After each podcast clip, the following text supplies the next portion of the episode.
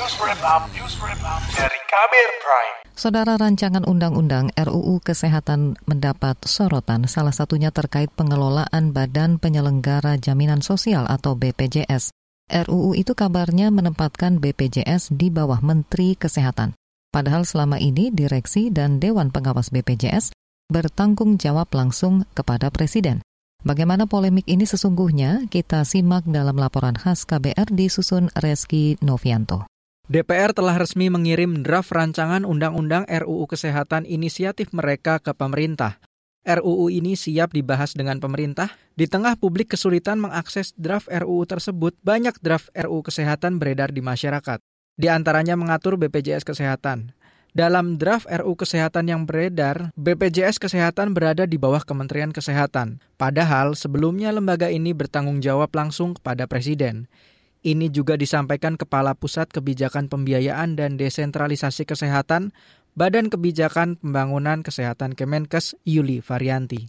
Adalah keterkaitan dengan kelembagaan. BPJS Kesehatan bertanggung jawab kepada Presiden melalui menteri yang menyelenggarakan urusan pemerintah bidang kesehatan. Yuli mengatakan penetapan posisi BPJS Kesehatan ini dituangkan dalam RU Kesehatan pasal 425 yang mengatur terkait kelembagaan BPJS. Belakangan, juru bicara Kementerian Kesehatan Muhammad Syahril mengklarifikasi bahwa RUU Kesehatan tidak menempatkan BPJS di bawah menteri atau dalam struktur Kementerian Kesehatan, melainkan tetap di bawah presiden.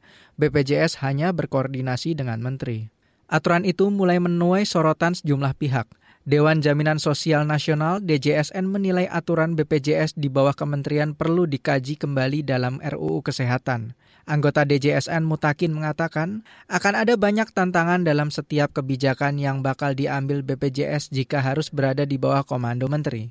Apakah opsi-opsi yang mau kita lakukan ini apa? Misalnya tadi kalau di bawah kementerian yang diatur dalam RUU ini, nah ini tentu ada apa ada tantangan, mungkin juga ada tadi ada keuntungan yang di, yang dilakukan. Nah ini kita lihat dulu urgensinya, terus arah perbaikannya ini apa, Anggota DJSN Mutakin mengatakan, kesepakatan soal sejumlah kebijakan mestinya tidak diatur sepihak melalui undang-undang.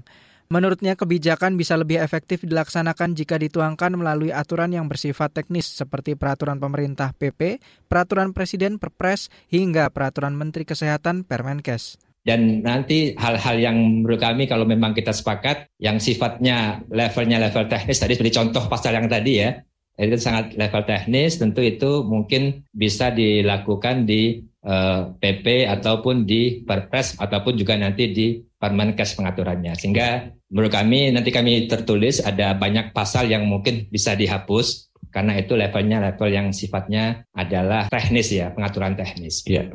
Di sisi lain, Koordinator Advokasi BPJS Watch, Timbul Siregar mengatakan, naskah akademik RUU Kesehatan tidak menjelaskan tujuan mengubah posisi BPJS di bawah kementerian.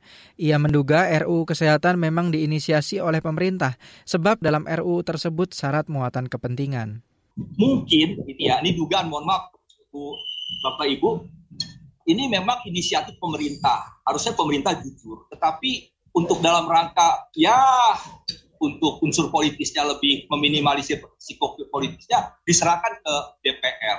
Sehingga DPR juga agak kagok dalam merespon uh, apa namanya uh, dorong apa tekanan publik dalam hal uh, eh, RUU ini yang banyak masalahnya kan gitu. Koordinator Advokasi BPJS Watch, Timbul Siregar menambahkan, legitimasi kejelasan BPJS dalam mengelola jaminan sosial yang kepesertaannya bersifat wajib bagi seluruh warga Indonesia. Sebaliknya, jika posisi BPJS di bawah kementerian, maka penyelenggaraan jaminan sosial yang diselenggarakan BPJS berpotensi mengalami hambatan. Hal senada disampaikan Partai Buruh dan Serikat Buruh yang menuntut pembatalan RUU Kesehatan. Mereka khawatir jika kedua peleit ini disahkan, akan merugikan hak-hak buruh di bidang kesehatan dan ketenaga kerjaan. Ketua Mahkamah Partai Buruh, Riden Hatam Aziz mengkritik RUU Kesehatan yang akan mengubah tata kelola BPJS Kesehatan dan BPJS Ketenaga Kerjaan. Kemudian yang ketiga, kami juga meminta kepada DPR RI untuk tidak membahas RUU Omnibus Law Kesehatan Kenapa? Karena ada dua hal yang sangat fundamental bagi kami, yaitu tentang BPJS ketenagakerjaan dan juga BPJS kesehatan. Presiden Federasi Serikat Pekerja Metal Indonesia FSPMI Riden Hatam Aziz menilai RUU Kesehatan akan membuat BPJS Kesehatan dan Ketenagakerjaan berada di bawah kendali langsung pemerintah yakni Menteri Kesehatan. Padahal akumulasi modal BPJS berasal dari dana publik meskipun ada penerima bantuan iuran PBI pada BPJS Kesehatan. Riden menyebut menteri hanya pembantu presiden sehingga tidak punya kapabilitas untuk mengatur pengelolaan dana publik. Demikian laporan khas KPR, saya Reski Novianto. Kamu baru saja mendengarkan news wrap up dari Kabel Prime. Dengarkan terus kabelprime.id, podcast for curious mind.